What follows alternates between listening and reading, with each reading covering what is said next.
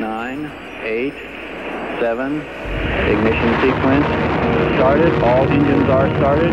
We have ignition. Two, one, zero. We have a liftoff. Welkom bij Sterrenstof, een programma over astronomie en ruimtevaart. Met interviews, het allerlaatste astronomie- en ruimtevaartnieuws en de sterrenhemel van deze maand. Presentatie Anko van Hal. Welkom beste luisteraars en tafelgasten bij deze nieuwe podcast van de Astronomie en Ruimtevaart Talkshow Sterrenstof. Live weer vanuit het Arnold Pierson te Amsterdam luister je naar aflevering 20. Sterrenstof gaat in deze uitzending opnieuw haar krachten bundelen met Hens Zimmerman van de NPO podcast Zimmerman in Space om er proberen achter te komen hoe groot het heelal eigenlijk is. Maar ook in deze uitzending natuurlijk onze vaste rubrieken, de vraag van de luisteraar, astronomie en ruimtevaartnieuws in het kort, de filmtips van de maand door Abe en de sterrenhemel van de maand november 2022.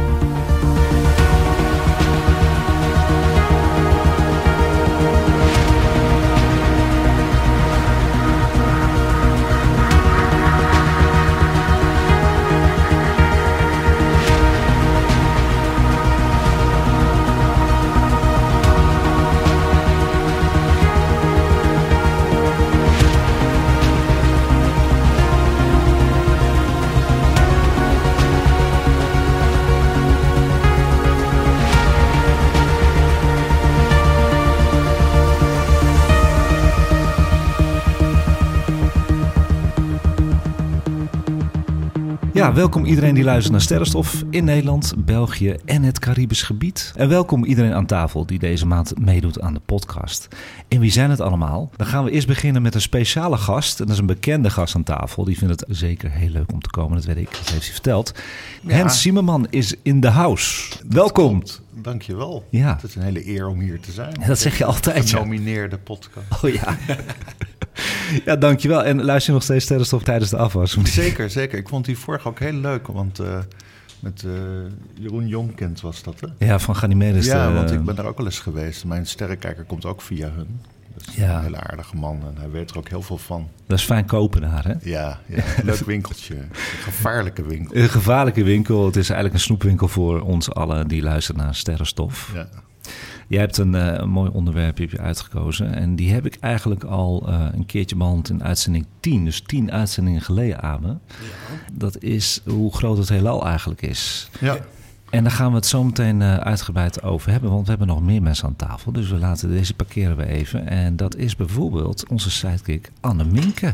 Ja, daar ben ik weer. Daar ben je weer. Ja. En weet je, Anneminke, ik zat zo te denken. Hartstikke welkom trouwens weer. Je hebt je Ja, koffie ook gehad. De ko- koek is er. En ik ja. heb nog een extraatje zo voor je. Dat komt zo. Mm. Maar wij hebben toen met Irene en Abe hebben een voorstelrondje gedaan. Want luisteraars die vroegen aan mij van... Ja, je hebt al hele leuke sidekicks aan tafel. Maar we weten helemaal niks van ze. Hebben we bij jou nog helemaal niet gedaan. Wie Nee. ben jij? Ik ben van oorsprong eh, eh, cultureel antropoloog. Daar heb ik nooit echt heel veel mee gedaan. Eh, Tenminste, in die zin, ik heb 40 jaar gevlogen. Nou ja, ik zit nu al iets van 10 jaar bij Amsterdam FM. Waarvan de laatste vijf jaar als een soort hoofdredacteur, manusje van alles. eh, Nou ja, eigenlijk eh, eh, veel. Nu probeer ik een beetje eindelijk van mijn pensioen te genieten. Ja, lukt dat een ja, beetje? mensen, ik ben oud. Ehm, ja, dat lukt wel. Goed zo, Ja, ja. gelukkig wel. Ja, en je schuift af en toe aan bij Sterrenstof. Heerlijk. Ja. En, en waarom vind je dat zo leuk om bij Sterrenstof te zitten? Nou, omdat ik eigenlijk altijd wel eh, heel veel eh, omhoog kijk en me dan afvraag wat, wat ik dan eigenlijk precies Mhm. zie. En er nooit echt aan toegekomen ben om dat nou eens allemaal echt uit te zoeken. Ik heb wel op een gegeven moment eh, tijdens mijn studie antropologie was er een docent en die was helemaal gespecialiseerd in astronomie. Oké. En ja, de sterrenstelsels van bijvoorbeeld inheemse volken in Zuid-Amerika deed hij eh, eh, onderzoek naar. En die hebben hele andere sterrenstelsels dan wij, of tenminste hele andere systemen. Sterrenbeelden en zo. Eh, maar waar ze dan wel bijvoorbeeld hun oogst op afstemmen. En, Oh ja, de, de, de namen van de sterren hebben dan ook gewoon de namen van bijvoorbeeld de hooischuur. Of, Ja. Ja, logisch en- natuurlijk ja. ook eigenlijk, hè? ja, en, en hun huizen, waar ze dan vaak met hele groepen in wonen, die zijn ook helemaal, dat is echt waanzinnig. Het is bijna een beetje als de piramide van Gizeh. Hmm. Zijn helemaal eh, geconstrueerd aan de hand van sterren. En Ja, heb ik gezien. ja, dat is echt waanzinnig. Dat zou ook een mooi Eh, onderwerp worden. Ja, ja, je dat- bent er al helemaal vol van. Ja, Lijkt wel nee, of je het ik- voorbereid hebt, maar dat heb je Nee, niet. ik heb niks voorbereid. Maar dat, dit, dit vond ik echt zo waanzinnig interessant. En we zijn ook naar het planetarium. Dat was toen nog in de Bijlmer ergens eh, geweest. Ja, Staat nu inmiddels eh, in Artes. hè? Ja. Nu ben ik gepensioneerd en nu heb ik alle tijd. ja. En nu heb jij deze podcast. Dankzij jou heb ik deze podcast ook een beetje. We hebben er samen over gesproken. ja, en dat is al vier- bijna vier jaar geleden. Dat is best een tijd Dat geleden. was het eerste ja. formatje op, Ja, op je toen, tafel. eh, Nog meer aan tafel hebben we Jeroen. Jeroen is aangeschoven. Leuk. Onverwacht. Altijd gezellig. Ja, nou ja, ik, eh, ik vind het zo gezellig en leuk om hier eh, te komen. Ja. Dat ik denk, god, ik kom mijn bed uit. Ik ga eventjes naar het Allard Pierson eh, om eh Anko eh, te beluisteren. En misschien zelfs ook nog wat te zeggen. Ja, dat doe je af en toe. Dan ga je er doorheen. Dat vind ik heel gezellig. Nee, hartstikke welkom Jeroen. En je hebt je koffie ook gehad. En natuurlijk mijn vaste sidekick erbij. Abe, jongen, hartstikke welkom Abe. Een hele goede morgen. Ja. Of avond, afhankelijk van wanneer je dit luistert natuurlijk. Ja, nou leuk. Hoe is het met jou? Ja, hartstikke lekker. Ik heb Ja. een heel lekker eh, ADE-weekend gehad. Dus ik, eh, Ja. ik, voel me, ik voel me lekker doorgereefd. Dat is een eh, mooie term, doorgereefd. Ja, toch? Ja, mensen, opzij even doorgereefd. Hartstikke goed. Je ziet er hartstikke fris uit. Fris en fruitig. Ja, Dus- dat is voor de verandering. Op de vrijdagochtend denk ik, eh, laat ik eens wat frisser zijn. eh, Ja, dat is goed. Dat is mooi. Nog een extra gast aan tafel. Het is een beetje volle bak, dat zeg ik altijd, maar dat vind ik heel gezellig. Dat is Jojo. Jojo, welkom. Yes, yes, Leuk, dankjewel. leuk je te zien. Voor het eerst zie ik je ook hier. Wat doe jij, Jojo? Nou, ik ben verslaggever bij AT5 onder andere. Ja, ik doe leuk. modellenwerk. En eh, vandaag ben ik eh, hier een dagje mee. Ja, bij Sterrenstof, welkom. Eh, ja, ja, dank wat, je. wat heb jij met de sterren en de sterrenhemel eigenlijk? Nou, vrij veel eigenlijk. Ik hou er mijn hele leven mee bezig. Serieus? Astronomie ook best veel. Ik lees ook veel boeken van eh, ja, wat bekende schrijvers hier en daar. Wat te gek. Dus ik hou me best veel mee bezig, het onderwerp. Dus ik heb ook wat vragen. Je hebt ook vragen. Ja, ja, ja. Eh, leuk Jojo, welkom in de uitzending. Je hebt ook koffie en koek, dus je kan het pakken. Een rondje hebben we gehad, hartstikke leuk. Maar waar we het nog niet over gehad hebben, eigenlijk een klein beetje. Jongens, we zijn genomineerd. Het is gelukt. En ik, eh, ik, eh, ik vind het fantastisch. Ik had het niet verwacht. En dat klinkt natuurlijk weer als een stomme eh, speech. Maar nee, ik had het niet verwacht. En het is toch gebeurd. Dus ik wil de luisteraars bedanken die gestemd hebben op de nominatie. Ja, heel erg bedankt. Ja. Het is echt... eh, Het is ongelooflijk. En nu zitten we midden in de campagne.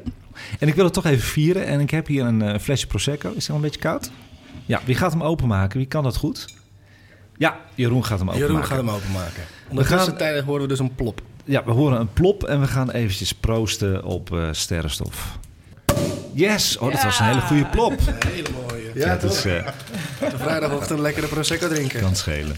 nou jongens, proost. Proost. Proost op sterrenstof. Proost Erik. Een proost Erik. Ja, Erik is ook aan tafel. Hè? Erik doet de techniek. Wat mij betreft hebben we eigenlijk nu al gewonnen hoor. Ja, vind Ja. ik ook. Nou, iets, iets over de podcast awards. Dan kunnen jullie even lekker slokjes nemen. Het is natuurlijk georganiseerd door BNR Nieuwsradio. En die ontving 31.000 nominaties. Dat is niet normaal. En mensen konden voor meer dan één podcast stemmen. Waardoor er uiteindelijk maar liefst 45.000 podcast op werd gestemd. Dat is heel veel. Daarin werden 65 eh, podcasts genomineerd. En onderverdeeld in 13 verschillende categorieën met elk een deskundige jury. En wij zijn dus genomineerd als enige astronomie podcast ooit trouwens. In de categorie wetenschap en educatie. Kijk. Ja, je kunt stemmen hè. En hoe, hoe gaan we stemmen? Waar, waar moet je naartoe? Nou, je moet naar podcastawards.nl en dan naar stemmen toe is heel makkelijk. En dan ga je naar de categorie wetenschap en educatie. Dan zie je daar in die categorie trouwens vijf prachtige podcasts staan. Dat is niet normaal. Dat zijn echt hele goede podcasts. En wij zijn als eh, klein podcastje staan daartussen staan. Je kunt stemmen tot en met 6 november. Tot en met, hè, dus 6 november ook nog. Alle dagen helpen. En dan eh, op 14 november horen wij gewoon in ons eh, gala-pakkie of wij eh, gewonnen hebben of niet. Ik wil nog wel even zeggen, ik vind Ja. het zo ongelooflijk knap. Want al die andere podcasts die, in, eh, die genomineerd zijn, Ja. dat zijn allemaal podcasts met enorme redactie en researchers en weet ik veel wat. En jij doet dit dus gewoon allemaal in je eentje. En dat is de, de, de research, eh, de regie. eh, je stelt het allemaal zelf samen. De hele vormgeving, die prachtige Instagram. Nu ook weer die flyers. Ik vind het echt waanzinnig knap. Allemaal in je eentje. Waar anderen gewoon echt een, een hele staf van tien man eh, voor hebben. En dan sta je er toch gewoon lekker tussen. Ja, dankjewel. Een nominatie is het leukste als je het deelt met iedereen. En jullie zijn mijn grote steun, want dit is het format. Nice. Dankjewel.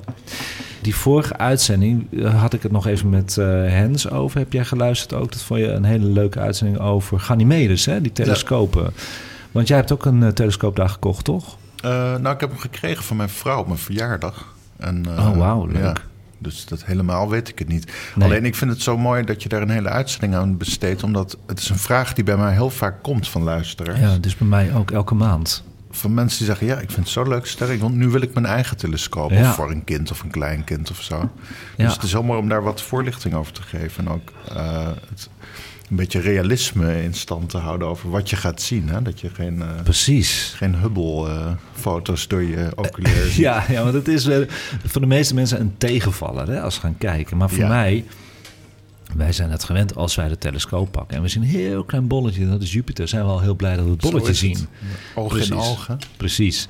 Nou, het leuke om te vertellen is, eh, Jeroen heeft zoveel leuke feedback gehad van Ganymedes. Dat, eh, nou, we gaan gewoon door. Want eh, je kan als sterrenstofluisteraar, en dat vind ik ook uniek en leuk om te vertellen, een exclusieve korting krijgen. En dat doe je door middel van eh, mij te DM'en in Instagram of eh, naar sterrenstofnieuws.gmail.com te gaan. Als je een telescoop wil kopen bij Jeroen Jonkind van Ganymedes in Amstelveen, dan kun je mij gewoon een bericht sturen. Er zijn zelfs mensen in België die naar Amstelveen komen hiervoor. Dus dat is heel leuk. Daarom kan ik vertellen dat die kortingscode, of tenminste die korting, is verlengd nog een maand wegens succes. Wat leuk. Ook leuk om te vertellen, Abe, dat is ook over sterren. Ik heb een telescoop uitgezocht en die ga ik over twee weken kopen. Wow. Oh my god. Ja, Welke is het geworden? de, de go-to is het geworden. Ja, welke? De Celestal, ja. Ja. Dat is de Celestal, ja. En de oplettende luisteraars hebben trouwens die koffiemok overal eh, voorbij zien komen. En zelfs dat is uitverkocht bijna. En er staan er nog een paar bij Ganymedes. Moet ik ook even vertellen. Mensen DM'en me, kan ik die koffiemok kopen? Ja, dat kan. Eh Anneminke krijgt hem nog, die heeft hem nu niet. Ik heb hem ook meegenomen van Anneminke. En Ze zijn, dat zijn de laatste twee. Maar Ganymedes heeft ze nog op de toonbank staan. Ze zijn 5 euro, maar de verzendkosten zijn heel hoog. Dus je kan ze beter gaan halen gewoon in de winkel bij eh, Jeroen. En dan eh, ga ik altijd een rondje over de ervaringen van de afgelopen maand. Hebben jullie nog wat leuks gezien aan de sterrenhemel? Jeroen heeft al wat. Kijk, Nou ja, ik, ik, ik ben... eh, ik weet niet zoveel van de sterren, hè, daarom zit ik hier Ja, ook. ja. Maar laatst liep ik midden in Amsterdam naar huis... en dan zie je nooit zoveel sterren natuurlijk. Nee. Maar er was er eentje, die stond echt keihard eh, boven mij. Keihard een paar- schijnen. paar weken geleden. Dus ik eh, even op mijn app kijken. Ja. Eh, van wat is dat? Ja, dat was dus Saturnus. Dat is ongelooflijk. Oh wauw, wat gek. Ja, Je hebt gewoon lekker met die, met die eh, telefoon heb je naar boven Ja. eh, getuurd. En dan zag je dat Saturnus was. Ja. Goed bezig. ja, dank je. Leuke feedback. Nice. Jeroen heeft Saturnus gezien. Eh, wie heeft nog meer wat gezien? Nou, deze week was er een Ja. zonsverduistering. Kijk, hè? volgens mij heeft iedereen daar wel Ja. wat over te vertellen. Vertel, heb jij hem helemaal gezien? eh? Ja, ik ben met eh, blote voeten in de dakgoot gekropen. De dakgoot, hoezo dat dan? Nou, die schep ik af en toe toch leeg. We hebben een koophuis. Ik zie het ook helemaal voor me. dat is prachtig, want dan zit je boven de bomen. Ik woon in Beeldhoven. Oh ja. De bomen stonden er een beetje voor. Maar Oh in de ja. dakgoot heb je een heel goed zicht.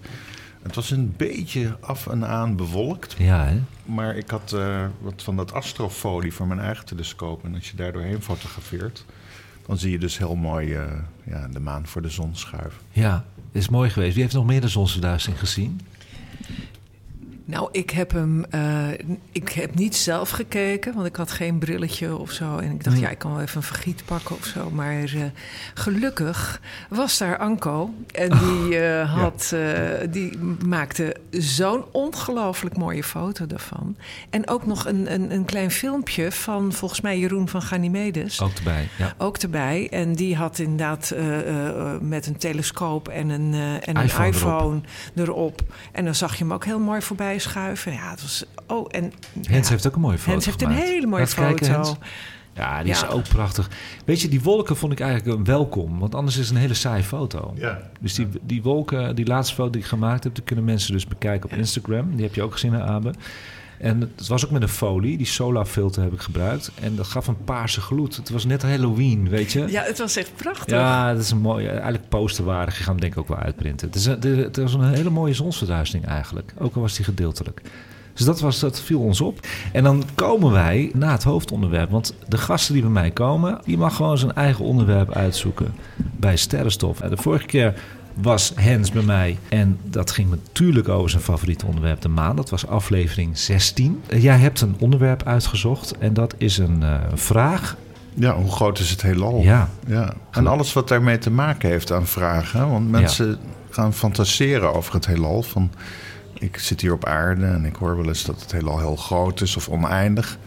Maar niemand weet eigenlijk precies hoe groot het is. Nee, maar is dat ook uit te zoeken, Hens? Nee. Hoe, hoe- maar hoe moeten we daarover praten dan?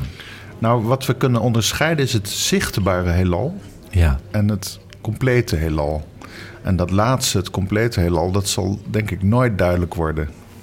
waarom? Omdat er een grens is aan wat we kunnen zien. Als je ons op aarde voorstelt als in het midden, gewoon Ja. even voor het beeld, hè, we zijn helemaal niet belangrijk, weten we. We zijn maar gewoon een planeetje rond een ster. Zeker.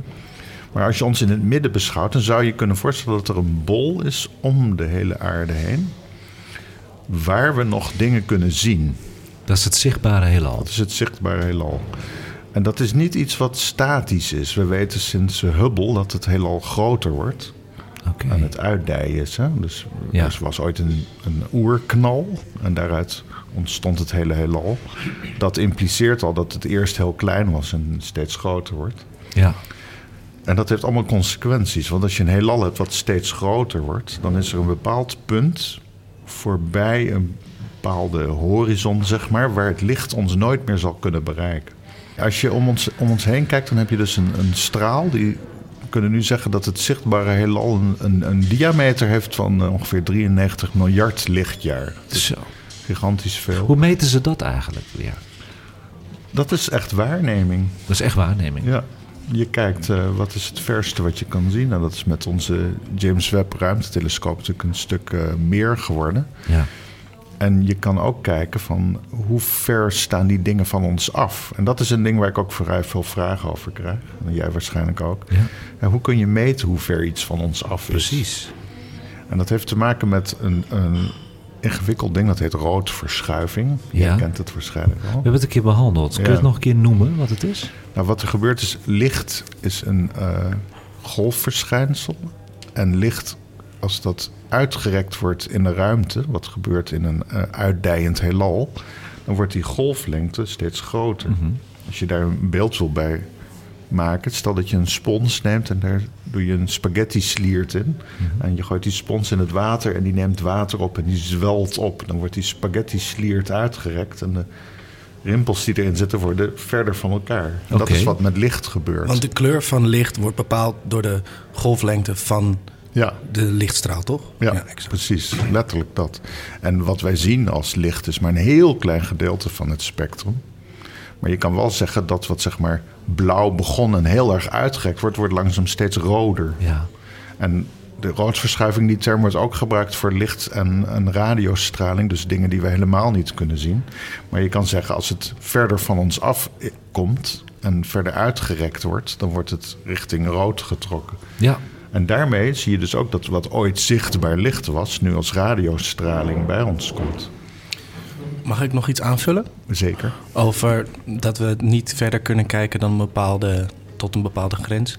Omdat, eh, en ik hoop dat jij mij kan beamen en anders correct me if I'm wrong vooral.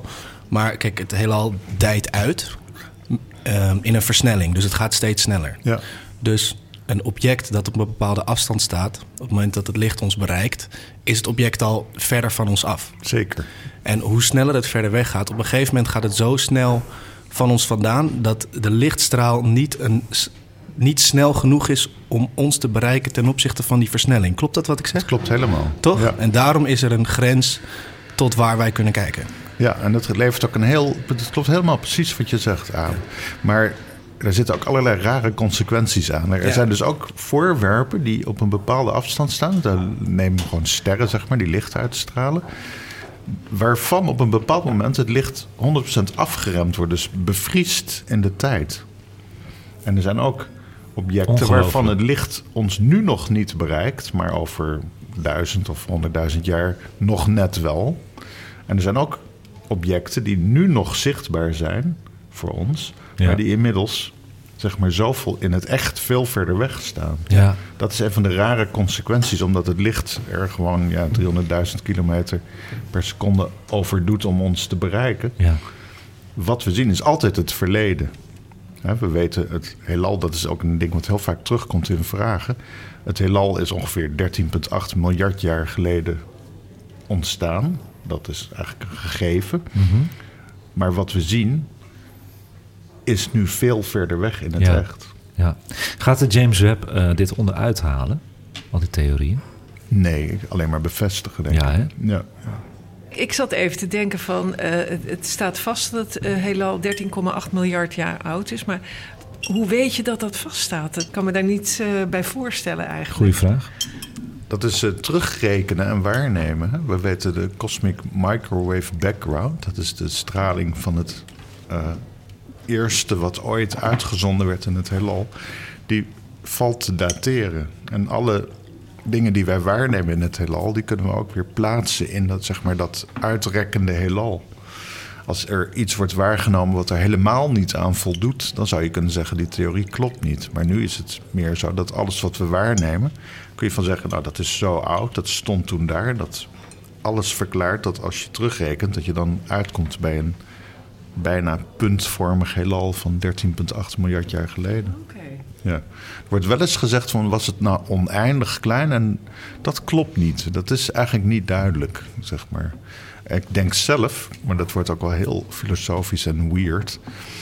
Als je kijkt naar wat er gebeurt met de ruimtetijd, dat is zeg maar het gecombineerde ruimte met tijdbeeld waarin wij leven.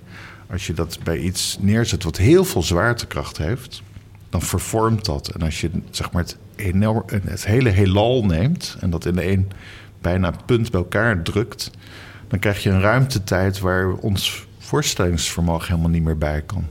En daar, daar stopt de tijd überhaupt. Ja, mijn voorstellingsvermogen stopt al bij die 13,8 miljard jaar, geloof ik. Jij zegt het, het wordt bijna filosofisch, maar ik vind het eigenlijk al filosofisch, dit vraagstuk. Ja, ik ook. Ja. En het grote vraag is natuurlijk: wat is het hele heelal als we maar een deel zien? Hè? Want als we 93 miljard jaar Exact dat. in de diameter zien. Ja. Er zijn theorieën over. Hoor. Mensen hebben gezegd van stel dat je een Big Bang neemt en die ontstaat op dat moment en de lichtsnelheid is dit en dat. Dan komen ze uit op een heelal wat misschien 10 tot de macht 23 keer zo groot is als het zichtbare heelal. Mhm. Maar dan krijg je de vraag natuurlijk, dat vraagt mijn dochter ook heel vaak, van Mhm. wat zit er dan achter? Ja, precies. Maar dat is ook Ja. een hele, hele normale vraag. Ja. Want zo denken mensen gewoon. Hè, zwelt dit heelal wat uitdijt op in een leegte of in een groter iets. En eh, dat is denk ik waar wij te veel met een menselijke blik kijken naar dit soort processen. Ik vrees dat als je dat helemaal zou begrijpen, als bevatten, dat je dan op een hele andere manier kijkt naar de ruimte. Ja. En dat er misschien wel rare dingen gebeuren als dat het eindig is. In de zin dat zeg maar het oppervlak van de aarde is in zekere zin eindig. Hè? Want je loopt van Nieuw-Zeeland en, eh, En dan ben je weer terug. ben je weer terug. rondje, ja. Aan de andere kant kun je zeggen, het is oneindig, want het is een, een afgesloten hè, complex. Ja. Het heeft niet een einde. Ja. Er zijn mensen die denken van wel, maar die zijn niet goed snik. Maar misschien is het heelal in de driedimensionale zin ook wel zo. Hè? Dat als je aan het Ja, je- einde komt van het heelal, dat je weer aan het begin bent. Maar is het niet beter dan dat wij gewoon eh, vasthouden aan eh, al het meetbare? Dus gewoon Ja, alles dat wat gewoon... ik ook. Dat is veel fijner, toch, voor ons hoofd? Ja, en een ander heelal in een andere tijd, dat is gewoon sowieso per definitie niet aan te tonen. Oké, ik heb dan nog één vraag voor je. Ja. Die James Webb die kijkt verder dan de Hubble, omdat het infrarood is. Hè? Dan is het toch ook zo dat het heelal daardoor al groter is, gewoon omdat hij verder kijkt? In zekere zin wel. Ja. Alleen we kijken natuurlijk ook al eigenlijk sinds eh, halverwege de vorige eeuw. kijken we naar de rand van wat er zichtbaar is. Precies. Maar die rand wordt dus eh, steeds groter door James Webb, toch? Eh, ja en nee. Want we weten al eigenlijk over de, de kosmische achtergrondstraling... dat we kijken naar het begin Ja, dat is de de allereerste straling. ding. Ja. Het, het, het- wat het ingewikkeld maakt, is dat je zowel in de ruimte als in de tijd eigenlijk aan het Ja, ja, bent. ja, ja, dat is heel ingewikkeld. Jojo heeft een leuke vraag. Ja, ik heb nog een vraag. Eh, in heel veel kwantumfysica boeken praten ze over andere dimensies. Hoe denkt u erover? Is dat mogelijk als je kijkt naar energiefrequenties? Anders, ja, een andere dimensie, zeker, natuurlijk. Ik denk eigenlijk dat wij als mensen en dieren heel erg ingericht zijn op drie dimensies. Dat werkt voor ons goed. En dan heb je oorzaak-gevolg, dingen gebeuren in de tijd. Je rent achter eh, voedsel aan met een speer of achter een partner en je maakt een kleine nakomeling. Met een speer. Nou ja, dat eh, ren je achter je concurrentie aan. Maar goed, in ieder geval, dat werkt allemaal voor ons heel goed. En dat is heel overzichtelijk. Maar je merkt al op aarde dat dat al een beetje begint te wringen. Als je kijkt naar een tennisbaan op een afstand van een 300 meter... dan zie je dat die bal eerder geslagen wordt dan dat jij het hoort. Dat is eigenlijk al een hint dat wij in een, in een wereld leven... waar alles dichtbij klopt... Als er een hyena op je afkomt, dan denk je... ik ga in een boom klimmen of ik smeer hem... of ik schiet de hyena dood. Maar dat is allemaal vrij simplistisch en in een driedimensionale ruimte. En er is geen reden om aan te nemen dat dat hele heelal van ons... precies op die manier begrepen moet worden. Misschien zijn er wel veel meer dimensies. Misschien maakt dat alles heel duidelijk. Dan zit je dan ook helemaal niet meer met vragen van... wat zit er achter het heelal en, en wat was er voor de Big Bang? Als die vragen verdwijnen misschien wel als je zou kunnen denken in vijf of zes of En is dan de snelheid van het licht ook het snelste wat meetbaar is voor ons? Of is er iets wat sneller is dan het licht? Er is iets wat sneller is dan het licht en dat is het uitdijen van het heelal. Want wat Einstein ons geleerd heeft, is dat eh, informatie en daarmee eigenlijk alle deeltjes nooit sneller dan het licht kunnen reizen.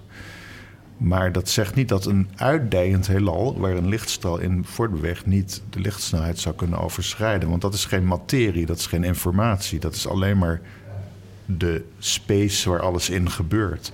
Dus die kan letterlijk sneller uitdijen dan de lichtsnelheid. Maar wetenschappers als Nikola Tesla die hebben het ook heel vaak over dat wij in een niet-fysieke wereld leven. En maakt het ons heelal dan ook niet fysiek? Is dan alleen maar energie wat tot stilstand is gebracht? Dat, dat is een zienswijze die best wel heel goed klopt. Want de kwantumfysica leert ons dat je bijvoorbeeld eh, eigenlijk nooit contact maakt. Hè? Wij, zijn allemaal deeltjes die in een soort statistische wijze rond elkaar cirkelen en golven van probability zijn, maar die raken elkaar nooit. Dat is onmogelijk. Dat eh, hebben bepaalde geleerden ons verteld. Dus op die manier kun je al zeggen eigenlijk is e- alles inderdaad een soort eh, verschijningsvorm van energie. Dat klopt. En ja, maar dat is maar wat ga je er verder mee doen met deze informatie? Hè? Als je bijvoorbeeld als Abe naar Amsterdam Dance Event gaat, dan ga je gewoon dansen en eh, weet ik veel uit je plaat. Hartstikke mooi, maar dan heb je niks aan het feit dat je een bende elektronen bent die elkaar nooit raken. Massa en energie zijn eigenlijk gewoon twee en dezelfde dingen, alleen Ja. verschillende verschijningsvormen van hetzelfde. Ja. Dus je hebt eigenlijk gelijk tot stilstand, weet ik niet. Het is allemaal heel dynamisch. Het draait als een gek in de ronde, zeg maar. Ja. Maar de vraag is denk ik vooral, wat doe je met dit gegeven nu je weet dat alles energie is en dat jij ook maar gewoon een verschijningsvorm bent van energie. Ja, wat kan je doen met de informatie? Ik denk dat je het alleen maar kan weten. En het kan of heel bruikbaar zijn of niet. Ja, of het kan je heel erg, eh, in mijn geval, het zet mij heel erg op mijn plaats. Ik vind mezelf heel onbelangrijk, omdat ik denk, ik ben maar zeg maar wat er met energie op dit moment gebeurt. Eh goeie vraag, Jojo. Ja, zeker. Ja. Ik vind wel, moet ik eerlijk zeggen, het is not satisfying. Kijk, hoe jij het vertelt is satisfying hoor. Maar het, het is geen eh, definitief antwoord. Nee, nee. Nee, dat zal misschien ook nooit komen. Ik denk het ook niet. Nee. Mensen willen graag gewoon zekerheden. Zekerheden. Wat kun je er nog meer over vertellen, Jens? Dat het gewoon zo gigantisch is dat het ons voorstellingsvermogen te Ja. boven gaat. En Ja, dat ja. we ook nooit zullen weten hoe groot het echte heelal is. Hè, alleen al onze melkweg is, weten we niet van of er tussen de 100 of 400 miljard sterren in zitten. Dat zijn al getallen waar Dan heb je het alleen maar over je eigen Dat is melkweg. eigen melkweg, ja. Het beste is om gewoon lekker naar boven te kijken. Met je nieuwe sterrenkijker. Zo is dat helemaal. Nou ja, er is een heel mooi filmpje, heb ik ooit gezien. En dan zie je een meisje eh, op het gras liggen in een park. En, eh, nou, Dat is een beroemd filmpje. Ja. ja, en die wordt steeds verder uitgezoomd. En op een gegeven moment echt helemaal vanuit het heelal. En dan besef je toch wel heel erg hoe ongelooflijk nietig en onbelangrijk we zijn. Nou, dat is een mooi filmpje. Ga ik ook op uh, Sterren op YouTube zetten. Ja, dat is een leuke. kunnen mensen zo even ja. naar kijken. Dat is ik vind wel, dat, is in, dat zijn hele toffe films. Ik vind wel waar ik het lastige eraan dat wel nog steeds iets dat. En het is natuurlijk heel moeilijk om het wel te kunnen doen, maar iets Mhm. dat krankzinnig groot is, nog steeds binnen dat frame valt van dat filmpje. En dat zorgt er eigenlijk voor dat je nog steeds niet helemaal door hebt met wat voor formaten je eigenlijk te maken hebt. Het is volgens mij echt niet Klopt. goed mogelijk om het in beeld te brengen. Maar je moet je wel voorstellen, Abe, dat klopt wat je zegt hoor. Want dat heb ik ook altijd. Als de film zie, ja, ik denk, maar er is nog veel meer. Maar voor heel veel mensen, eigenlijk voor het gros van de bevolking op aarde, is het al mega Ja, om dit waar, te hoor. zien. Hè. En eh, wat dat betreft eh, al een eye-opener, Ja, denk ik. dat is zeker waar. Dus ze zetten hem wel op, Ja. op YouTube. Maar Nee, je hebt het is, helemaal het gelijk. is superleuk om, om dat te zien. Er, er is nog een app die ik zelf eh, wel eens aan mensen laat zien. Hij is alleen voor de iPhone helaas beschikbaar. Maar die, die heet Exoplanet. En die geeft je behalve de informatie over zeg maar, wat er ontdekt is over exoplaneten... ook het complete heelal in 3D. Dan kun je 100% in- en uitzoomen. En altijd Oh, in OpenGL werkt dat gewoon als een gek. Nou, dat wil Dit ik is ook. het complete heelal. Ja, maar kijk. En je kan eh, dus eh, inzoomen. En dan zie ik al gelijk een bol waar ik het over had. Ja, dat is het zichtbare heelal. Een bol. Ja. Ja. Dus dan kun je in real-time in 3D kijken Ja. waar alles is. Je kan ook op de aarde inzoomen. Exoplanet, mensen, een Ja. app. Heel mooi gedaan, Henso, dankjewel. Ja. Het is een hele moeilijke materie. Ik denk Ja. De moeilijkste die we gehad hebben tot nu toe bij eh, sterrenstof. Maar wel goed dat wij dat ook behandelen. We gaan naar de vraag van de luisteraar. En dat is eh, gevraagd door Tess van der Sluis, een luisteraar van Sterrenstof. Hey, hallo, ik ben Tess. En ik heb een vraag over de James Webb-telescoop. Er zijn namelijk laatst allemaal verschillende beelden vrijgegeven van sterrenstelsels. En al deze sterrenstelsels hadden hele heldere kleuren. Maar het blijkt dat de James Webb-telescoop een infrarood-telescoop is. Die dit dus eigenlijk op deze manier helemaal niet zou kunnen vrijgeven. Vandaar ook mijn vraag: waar komen deze kleuren vandaan? En hoe werkt kleur überhaupt in het universum? Ja, dat klopt. Kijk, de afbeeldingen van de James Webb-telescoop, zoals die van de Pillars of Creation van vorige week en het Deep Field beeld, zijn samengesteld uit gegevens uit het infraroodspectrum. Dat een langere golflengte heeft dan zichtbaar licht en soms warmtestraling wordt genoemd. Infraroodstraling is niet alleen iets in de ruimte. Jij en ik, allemaal aan tafel, geven ook infrarood licht af. Sommige objecten zijn voor ons alleen in infrarood zichtbaar, omdat ze niet erg helder zijn, zoals planeten die zelf geen zichtbaar licht uitstralen. De James Webb-telescoop gebruikt zijn infraroodcamera's om verschillende helderheidsbeelden in grijstinten te verzamelen. Zes filters vangen elk verschillende golflengte van infraroodlicht op. Terug op aarde krijgt dus elke filter een kleur toegewezen. Dus we krijgen alles eigenlijk gewoon binnen in grijstinten. Het filter dat de langste golflengte opvangt was rood. Het filter dat de kortste golflengte vastlegde was blauw, met de andere kleuren ertussenin. Door deze afbeeldingen te combineren bevat de uiteindelijke samengestelde afbeelding alle kleuren die zichtbaar zijn. Maar dan is mijn vraag ook: als de Pillars of Creation er technisch niet zo uitzien, waarom zou je dan als NASA de moeite nemen om de kleurrijke afbeeldingen te maken? Nou, er zijn twee redenen voor. Het is om de praktische redenen omdat het wetenschappers helpt om ze beter te kunnen analyseren. Het is moeilijk om door stapels infraroodgegevens te bladeren en er een kruisverwijzing naar te maken met een afbeelding alleen maar in grijswaarde. Dat kunnen we ons allemaal voorstellen, denk ik. Maar door verschillende golflengten dan een kleur toe te kennen, kunnen wetenschappers interessante objecten uitkiezen die ze meer zouden willen bestuderen. Een andere reden is, en daar moet ik wel een beetje om lachen, is om de verbeelding van de mensen te prikkelen. De telescoop kostte namelijk ongeveer 10 miljard dollar. Dus NASA heeft een stimulans nodig om de belastingbetalers al dat geld te laten zien in mooie resultaten. Dat doet NASA altijd. Natuurlijk, een heleboel grijze afbeeldingen zouden zeker niet training worden op de socials en uh, niet populair op de nieuwszenders.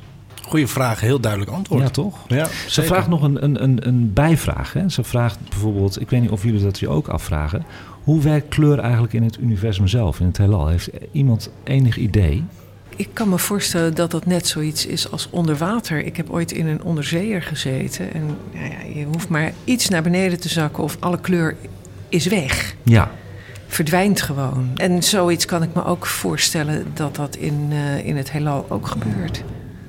In de ruimte of op de maan is er geen atmosfeer om licht te verstrooien. Het licht van de zon gaat in een rechte lijn, zonder verstrooiing, en alle kleuren blijven bij elkaar dan. Is dat duidelijk? Ja. Als we naar de zon kijken, zien we dus een schitterend wit licht. Meer niet. Terwijl we wegkijkend alleen de duisternis van de lege ruimte zouden zien. Dus helemaal zwart. Pas als iets ergens opkomt en een verstrooiing ontstaat, zien we kleur. Grappig. In zoverre natuurlijk als je op de maan zou rondlopen en je kijkt naar de planeet Mars, Dan zie je rood. dan zie je rood. Of Ja. de ster Antares of zo, die is ook vrij rood. Ja, inderdaad, Hens, klopt. Verder is de ruimte ongelooflijk kleurrijk. Ja, Klopt. zeker. Ja. En er valt nog wel iets over kleur te zeggen, want dat heeft de filosoof al forever bezig gehouden. Er is geen manier om te weten dat jouw groene shirt voor mij niet, zeg maar, de rood is Ja. die jij ziet. Ja. En wij zien in een cirkel van kleuren en die kun je draaien. Dat kun je in. Photoshop ook doen. Ja. En dat is een van de magische dingen dat voor ons in ons hoofd rood, violet weer aansluit. Mhm. Maar er zijn bijvoorbeeld de mantisgarnaal, die ziet meer kleuren dan wij. Ja, en een kat ziet een zwart-wit. Dus alles is relatief. Tuurlijk. Als je heel veel worteltjes eet, dan zie je ook beter groen. Ja. Is dat zo? Ja. Dus Oh, het is leuk. allemaal heel relatief. Dus je Ja. kan ook niet zeggen van iemand is in het heelal en die ziet ook Mars als rode ster. Als dat een ander wezen is met een andere Ja, die inrichting, andere biologie, Ja, dan precies. ziet hij misschien wat wij paars noemen. Ja, zo is dat ook, ja. Het is een sensatie in je hoofd die we verder niet kunnen kwantificeren. Ja, Ja, ik ben dan wel van oorsprong bioloog. En je hebt natuurlijk ook mensen die kleurenblind zi- zijn. Ja. En die zien sommige dingen ook niet. Hè? Dus sommige kleuren zien ze niet. En dan zien ze het in een andere kleur. ja. Interessant is dat, hè? Denken jullie dat ik de vraag van Tess goed heb beantwoord? Ja, ik Ja. denk dat, dat je dat heel compleet hebt beantwoord. Goed zo. Welkom bij Sterrenstof, een programma over astronomie en ruimtevaart. That's one small step for man. Met interviews, het allerlaatste astronomie- en ruimtevaartnieuws en de sterrenhemel van deze maand. Presentatie Anko van Hal. Ondertussen hebben we koffie gekregen van het eh, Ja. café Albert Pierson. Ja, heerlijk. En we doen eigenlijk heel saai met z'n vijf, want we willen allemaal cappuccino altijd. Ja, hè? maar dat is toch fijn? Dat is heel Nee, Jojo heeft lekker water. Ja, die doet lekker gezond. Hartstikke goed. Dat is heel, heel Goede goed. koffie. Goeie koffie vinden wij Ik ben dus wel een ook. verwende koffiedrinker. Dus dit is goeie. Hey Anko, Yes. ehm, ik ben wel eigenlijk benieuwd naar de astronomie en ruimtevaart dingen die eh, hebben plaatsgevonden of plaats gaan vinden. Een van je favoriete rubrieken volgens ja, mij. ik vind het heerlijk Maar altijd. dat is wel grappig, want jij hebt zelf eentje ingestuurd, man. Ja, Weet ja. je nog welke? Eh, ja, het is eh, volgens mij wel een paar weken geleden. Maar er, waren, er verschenen ineens hele mooie foto's van Europa. En moet je nagaan, hè, Abe? Ik was ook verbaasd, want ik was helemaal Juno vergeten. Die, Oh. had, die had natuurlijk al Ganymedes gedaan, vorig jaar. De grootste maan in het zonnestelsel eigenlijk. Bezocht. En nu ging hij gewoon naar Europa. En dat vind ik eh, een van de leukste maanden eigenlijk. Ja, dat is een van jouw favoriete maanden, hè? Ja, dat is mijn favoriete maan eigenlijk gewoon eh, all over. Maar ik wil eerst even vertellen wat hij allemaal deed. Hè. Hij ging met ongeveer 24 kilometer per seconde, kunnen we dat ons voorstellen, raasde hij over het oppervlak van Europa. En dat was op 29 september. En de nieuw vrijgegeven afbeeldingen belichten nieuwe oppervlaktekenmerken die licht zouden kunnen werpen op processen die plaatsvinden in de potentieel levensdragende oceaan onder de dikke ijskorst van Europa. Nou, Europa is een maan van Jupiter. En Jupiter heeft eigenlijk zijn eigen mini-zonnestelsel gemaakt. Dus die manen om Jupiter heen, dat zijn eigenlijk de planeetjes van Jupiter. Zo moet je het een beetje zien. En Europa wordt toch wel geschat op meer leven dan eh, we ooit op Mars zouden kunnen gaan vinden. De beelden werden genomen vanaf een hoogte van 1500 kilometer boven het oppervlak van Europa. Dat vind ik eigenlijk heel laag. Ja. Heb je de foto's ook gezien, eh, Hens? Ja, fantastisch. Ja, ik ben ook een Europa-fan. Het is Jij ook, natuurlijk- ja. Het is ook een Europa waar geen oorlog is. Dat is ook heel fijn. Ook eens een keer fijn. De afbeelding toont een regio wat eh, wetenschappers chaotisch terrein noemen. Een doolhof van riggels, groeven en scheuren die het ijzige oppervlak doen breken. De afbeelding toont het oppervlak met een resolutie van ongeveer 1 kilometer per pixel. Dat doen ze goed, de Juno. Waarbij talrijke heldere en donkere dalen en voorheen onbekende putjes zichtbaar worden. Je kunt deze beelden trouwens nu bekijken via ons Sterrenstof YouTube kanaal. Nice. Ik wou al vragen, heb jij iets online staan daarover? Zeker weten. En eh, dat zijn hele mooie hoge resolutiebeelden. Ja, Iedereen kijken. En, en natuurlijk eh, het feit hè, dat je onder die ijskorst van Europa waarschijnlijk gewoon een, een zout water, hè, is dat geloof ik ook eens? Een zoutwateroceaan, hè? Ja, volgens Ja, dat wel. zout weet ik niet helemaal zeker. Maar de kans is natuurlijk heel groot dat er toch allerlei mineralen in opgelost zijn. Ja. Dus dat zijn in zekere zin toch ook weer zout. Of het echt eh, natriumchloride is, dat weet ik niet of dat ooit aangetoond Nee, het is een zouten eh, Ja. zee, geloof ik. Ja. Maar dat geeft weer inderdaad sporenelementen voor levende wezens. Hè? ja, het is heel spannend. Dan hebben we nog een nieuwtje. En dat is een eh, tip van luisteraar Matthijs van Veen. Die tip was uh, asteroïde die de dinosaurus heeft uitgeroeid... veroorzaakte ook een mega-aardbeving. Nou weet ik nog in een, een vroegere uitzending... een beetje terug dat wij het erover hebben gehad, hè, die krater. Daar hebben we het over gehad, ja. De Chicxulub? Krater. Dat weet ik helemaal niet meer. Ja, dat is een botslichaam eigenlijk. Voor de kust van de Golf van Mexico. Eh, ongeveer 66 miljoen jaar geleden sloegen dus die ruimterots van 10 kilometer breed tegen de aarde. De inslag van de asteroïde en de nasleep ervan veroorzaakte massale uitsterven, zoals we weten, waarbij driekwart van de soorten op aarde omkwamen. Dat is best wel veel driekwart trouwens. Dat is echt, ja. dat is heel veel. Ja, ik vond het ook wel een leuke tip hoor van Matthijs van Veen. Nu suggereert eh, nieuw onderzoek dat de impact ook een mega-aardbeving veroorzaakte. Die ongeveer 50.000 keer meer energie had dan de aardbeving met een kracht van 9,1 op Sumatra in 2004. 50.000 keer meer, daar kunnen we ons ook niks bij voorstellen. Nee. Nee, en moet je nagaan wat voor tsunami er dan ontstaat. Zo. Die onderzoekleider Herman Bermudes heeft op diverse locaties de grond- en zeebodems onderzocht. Zo ook op het eiland Gogonilla, dat op zo'n 3000 kilometer ligt van de plek in de Golf van Mexico waar de meteoriet insloeg. Op het Coconilla-eiland in Colombia had de geoloog sedimentlagen gevonden die afzettingen van bolletjes bevatten. Die bolletjes eh, is gesmolten gesteente dat bij de inslag van de meteoriet in de vorm van glazen druppels over de planeet vloog, over de hele planeet. Jezus, wat grimmig. impact dat is geweest, hè? Glasregen. Ja, een soort van glasregen. Jeetje, Mina.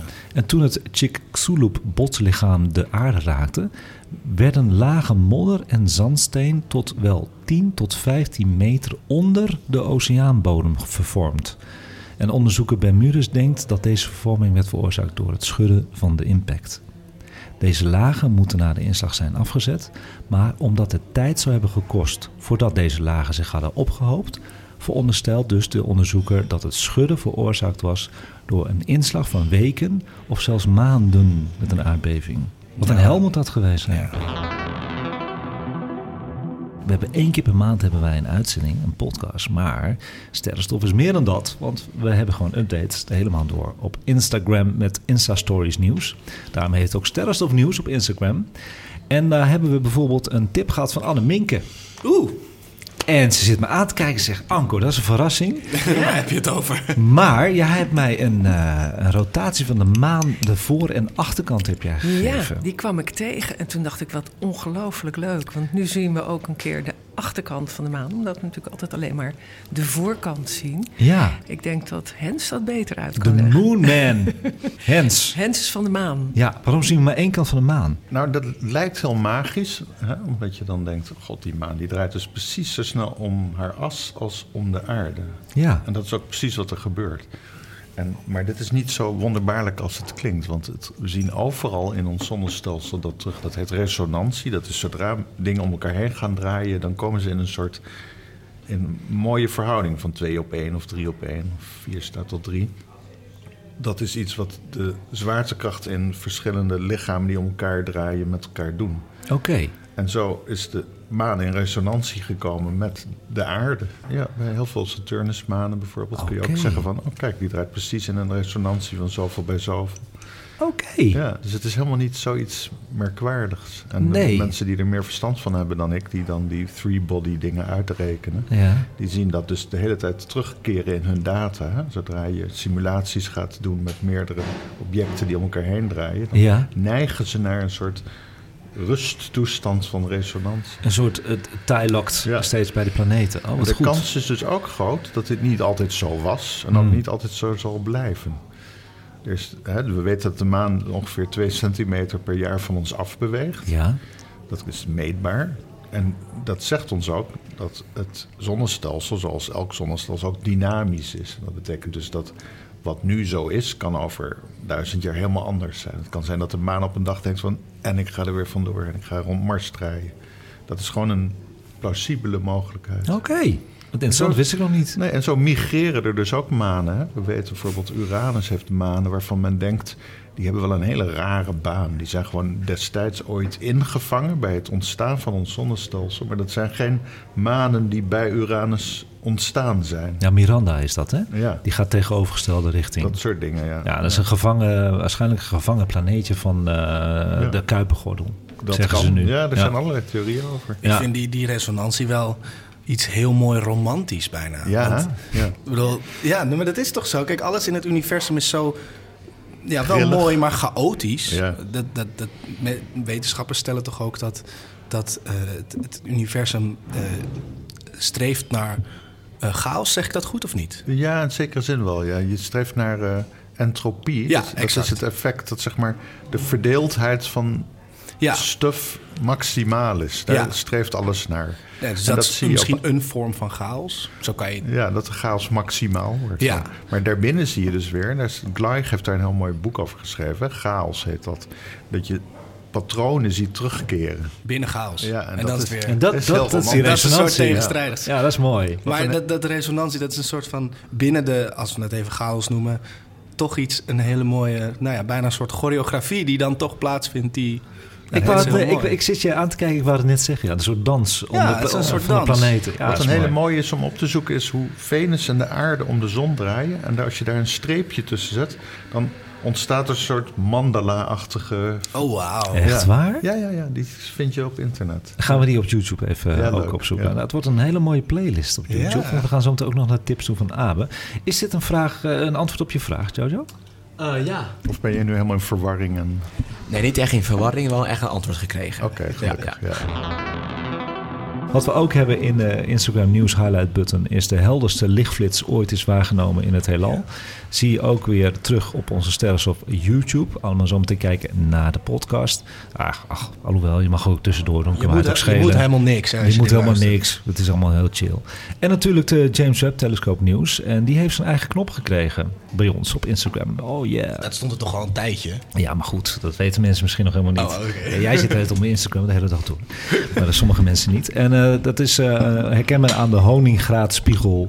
Zo'n icoontje zie je dan. En eh, dan zie je alles wat uitkomt van de James Webb telescoop. En onlangs is uitgekomen die waanzinnige foto van de Pillars of Creation. Prachtig. Waar sterren worden geboren.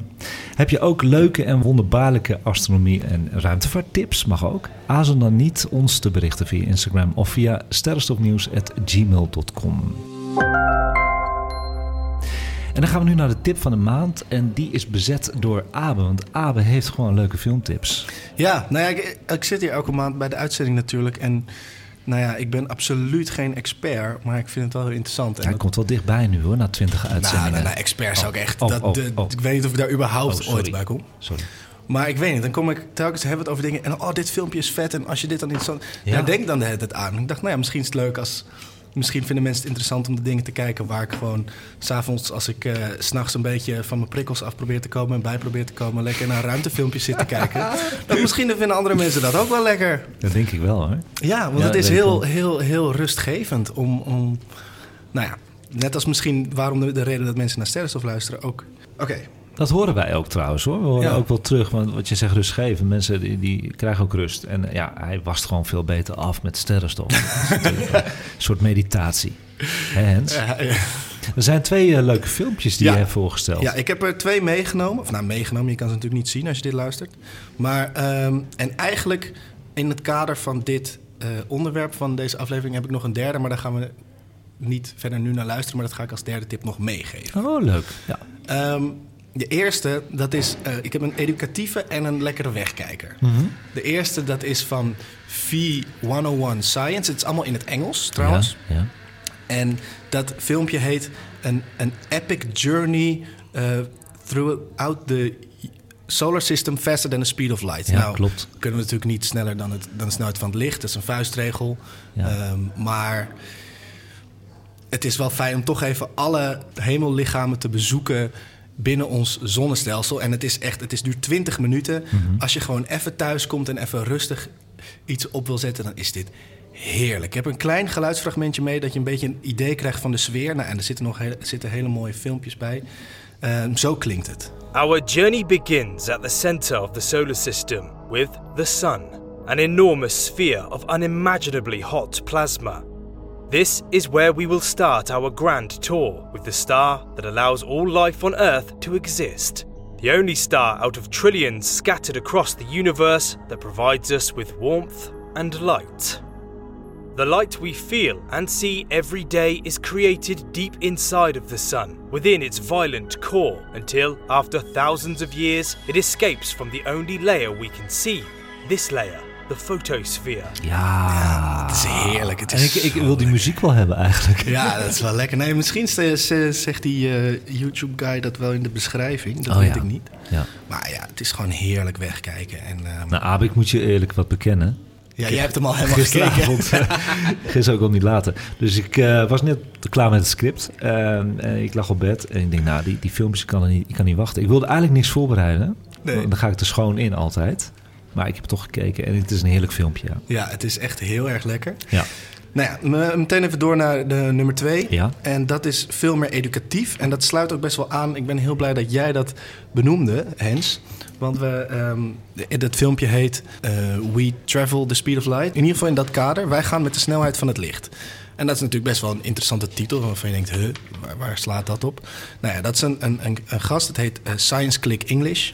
Die legt op een hele eh, systematische, rustige manier allemaal wetenschappelijke termen uit die eigenlijk heel abstract zijn, maar dan als je het goed volgt echt goed te volgen zijn. Nou ja, ligt dingen ook als, als eh, roodverschuiving uit en nou ja, inderdaad, en dat is wat Hens ook net benoemde, dat niets gaat sneller dan het licht, behalve de uitdijing van het universum. Dat kan wel, want inderdaad, informatie kan niet sneller gaan dan het licht.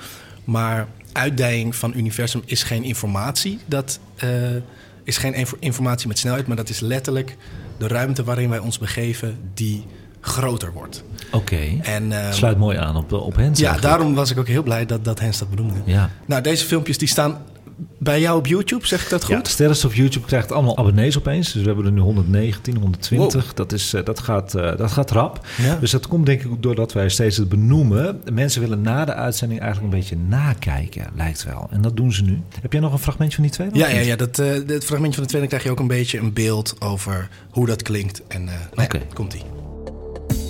Welcome back to Science Click. Today, is it possible to go faster than light? We often hear that the expansion of the universe accelerates some objects faster than light itself.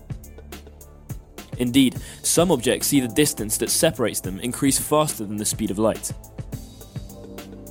But this is due to the expansion of the universe itself, the underlying grid upon which are placed all entities. Nou ja, dat is een heel klein fragmentje. Ehm, en dan inderdaad nog een derde. Ik zou het kort houden. Ehm, daar heb ik geen geluidsfragmentje bij, maar dat is... Nou, we hebben het al wel eens eerder gehad in een sterrenstof over een ruimtedocumentairemaker op YouTube. Die heet C, S-E-A. Zeker, die kijken altijd. Nou, dat is... Die, wat die gast doet, dat Ja. is echt next level. Ja. Dat is zo prachtig. Die docu's duren vaak tussen de nou, 25 en 40 minuten. En dan legt hij met prachtige beelden uit. eh, en ook eh, diagrammen met een hele rustige muziek en stem op de achtergrond. Ja. Over hoe dingen werken. En hij heeft een docu die heet The Cosmic Scale. En daar legt hij ook, en dat is in het kader dus van deze aflevering... legt hij heel mooi uit en brengt hij heel mooi in beeld... Hoe, hoe, hoe geen idee we eigenlijk hebben hoe groot het universum echt is. En dat Ja. is echt... Dan sta je echt wel even erbij stil. Ik was er ook stil van toen ik het keek. Dat is heel erg mooi. En dat waren mijn tips. Nou, ik, ik heb honger gekregen om te kijken. Ja. Maar ik moet nog even door. Ja. Maar eh, nee, heel mooi. En, en de muziekjes zijn ook mooi. Ze hebben dat mooi ge, geëdit Ja, ook. het is fantastisch. Over muziek gesproken. We gaan wat inzetten. En dat is sfeermuziek. Want we gaan naar de sterrenhemel van de maand. November 2022. Abe, dank je wel trouwens. Ja, Mooie tips, jongen.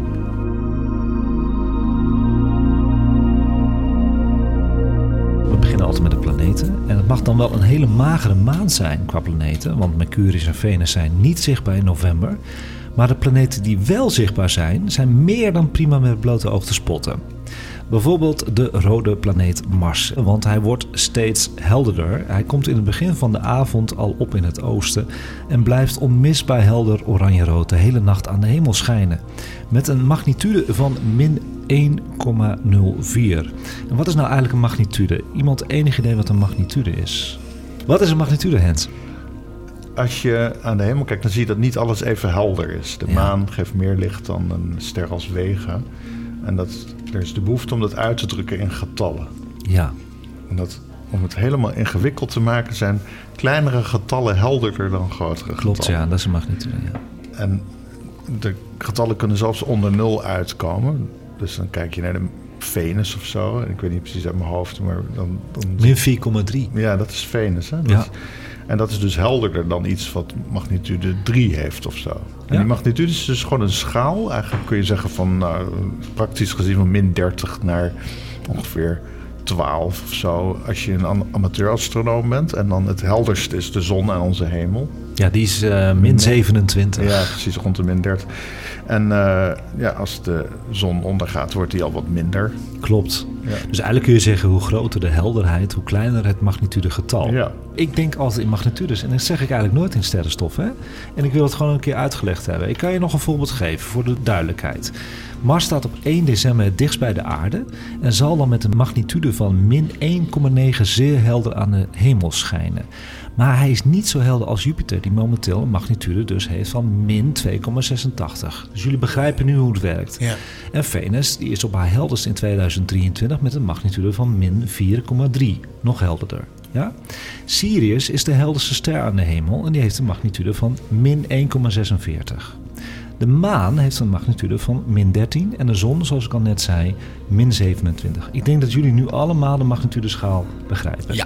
Heb je trouwens eh, Mars nog niet gevonden aan de hemel? Kijk dan eens tussen 10 en 12 november wanneer de maan dicht bij de kleine koude rode planeet staat. Altijd leuk.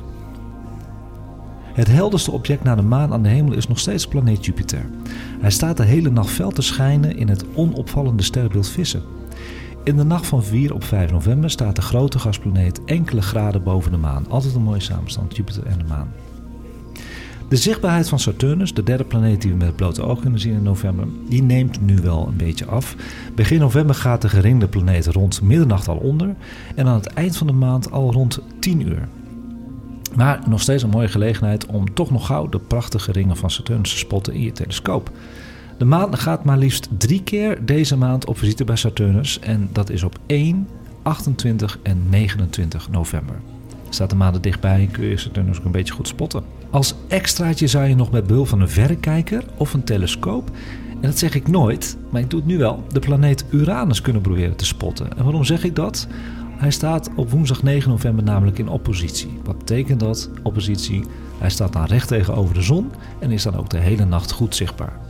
Hij staat dan in het sterrenbeeld Ram in een plekje waar zich weinige sterren bevinden. Dus dat is, een beetje, eh, dat is wat makkelijker zoeken met je verrekijker, het liefst met een telescoop. Gebruik hiervoor een sterrenkaartje die je bij mij kan opvragen via DM of e-mail. Of je kan hem ook zelf googlen. En met een gemiddelde of grote telescoop zou je iets, iets van blauwe kleur kunnen onderscheiden bij de planeet. Heb je dat wel eens gezien Ja, in je zeker, telescoop? ja, ja. ik ook. Echt blauw, inderdaad. Echt ziet- blauw, helder Je ziet blauw. ook wel dat het een balletje is, maar het is wel heel erg goed kijken hoor. Heel klein Ja. eh, schijfje zie Ja, je. Heel ja. klein schijfje. Je ziet dat het geen ster is. Een ster is echt een punt. Ja. En een planeet zie je in telescopen ook Uranus als een, een bolletje, maar dan blauw. Heel leuk. En als je foto's zou maken via de telescoop naar Uranus, dus voor gevorderden, dan komt die kleur echt naar boven toe. Ja. Dan valt er nog wat te zien in november. Het is een leuke maand hoor, op Ja. zich. Ook hebben we weinig planeten. En dat zijn de Leonide-meteoren. En de Leoniden zijn een van de bekendste meteorenzwermen aan onze sterrenhemel, doordat ze verschillende malen extreme hoge activiteit hebben vertoond. De sterrenregen van de ochtend van 13 november 1833 ja, was met name in Noord-Amerika heel indrukwekkend. Wat gebeurde er namelijk? Ooggetuigen rapporteerden tot 1000 meteoren per minuut. Dus echt een sterrenregen. Wanneer is dat? Nou, dat was in 1833. Ah. Dus dat is een beetje, moet je met een tijdmachine terug. Net gemist. Ja, Net ja, gemist, ja, ja. bestond ik Hoef je niet meer in je telefoon te zetten. Nee. Er waren veel vuurbollen ook. En het duurde ongeveer een half uur. In 1999 trouwens was het voor het laatst dat er een Leonide sterrenregen was. Maar de meteorenzwerm is op zijn maximum 17 november 2022, rond 8 uur s avonds. Maar door de matige omstandigheden zijn er in onze streken... Het sterrenbeeld Leeuw staat dan laag, hè, want eh, het heette Leonide... omdat het lijkt uit het sterrenbeeld Leeuw te komen, Leo. En die staat dan in deze tijd in november laag aan de hemel. En is het een beetje moeilijk om veel meteoren te zien. En dat zullen er dan maximaal per uur 3 tot 7 zijn. Dat is even een tegenvaller. Hè? Maar eh, nogmaals, het is misschien wel leuk om te proberen. Want het Ja. kan wel een sterrenregen worden. Je weet maar nooit. Heb je wel eens een Leonide meteor gezien? Ja, zeker. Ja, ja. Ja. dat is wel leuk. Dus je kijkt ook altijd wel meteoren. Nou, ik eh, ben ook vader en een werkend mens hoor. Dus ik ben soms heel blij als ik wel slaap. ja. Ja, nee, het is echt super mooi meteoren. Ja. Het is meer iets voor de vakantie. De Perseïden zijn altijd heel dankbaar. Ja, maar ik de- ook. ik vind de sporadische meteor ook altijd vaak heel mooi. Dat je ergens staat te kijken en opeens schrikt van zo'n... Ja, vuurbol meestal zijn ja, dat. het is een niet te verklaren ding. Vooral als ze heel lang duren, echt Ja, het is net vuurwerk dan, hè? Weird. Ja, dat is echt weird, ja. Die toevallige dingen. Nou, laatste dingetje in november is eh, voor Hens eigenlijk ook heel leuk. Ehm, er komt een hele zeer smalle maansikkel aan. Die is altijd wel heel spannend om te zien. En dat is op 26 november. In de schemering, om kwart over vijf, moet je even kijken. En bij zo'n dunne maansikkel, waarom is dat interessant? Jojo, kijk jou ook aan. Dat is wel leuk hoor. Dan kun je gewoon met blote oog zien. Dan zie je ook meestal de rest van de maan. Dat is het asgrauwe gedeelte.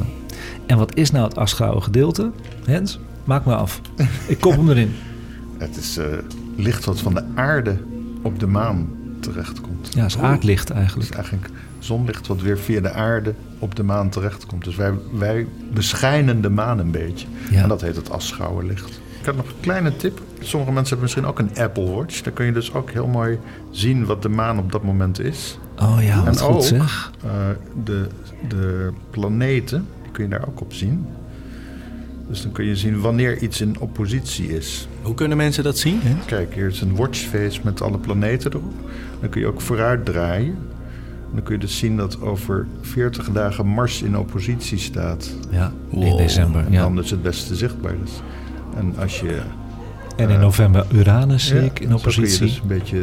Heb je daar een, een app voor nodig of zo? Of dat is dit... iedereen die een Apple Watch heeft, heeft de Apple Watch app erbij. En de maan kun je dus ook heel goed zien. Dan kun je zien wat voor maanfase het op dat moment is. Ja. Je kan ook vooruit draaien. En Ik zie het, hé. Wow, wat zo vet. lollig. Kun je dus ook je waarneemmoment bepalen van wanneer is het nieuwe maan. Oh, kijk. Over 27 dagen. Ah, wat goed. Best wel een handig, lekkere hoor. tip. Ja, toch? Apple Watch tip. Hartstikke goed. Dus dat was het laatste wat je kon zien in november. Dat was de sterrenhemel van de maand.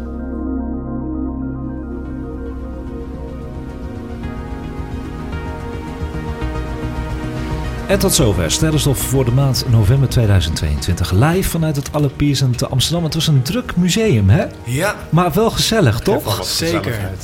Je kunt mij mailen voor vragen, opmerkingen en tips over astronomie en ruimtevaart op sterrenstofnieuws.gmail.com. En je kunt Sterrenstof natuurlijk, we hebben het uitgebreid over gehad, vinden op Instagram met audiograms, nieuwtjes en eigen astrofotografie van de hemelverschijnselen van de maand. Volg ons op Sterrenstof Nieuws. Terugluisteren kan altijd via alle bekende podcastplatformen. En deze podcast werd mede mogelijk gemaakt door Ganymedes Optische Instrumenten, de fysieke telescopenwinkel van Nederland, waar persoonlijke service hoog in het vaandel staat. En natuurlijk wil ik Abe, Anneminke, Hens en Jojo en Jeroen bedanken voor de medewerking als sidekicks. De techniek was weer in handen van Erik, onze aardige Erik, en de heerlijke koffie werd weer verzorgd door het café Allet Pierson. Iedereen bedankt voor het luisteren. Vergeet niet te stemmen op Sterrenstof op podcastawards.nl. Tot de volgende keer weer en kijk eens wat vaker omhoog.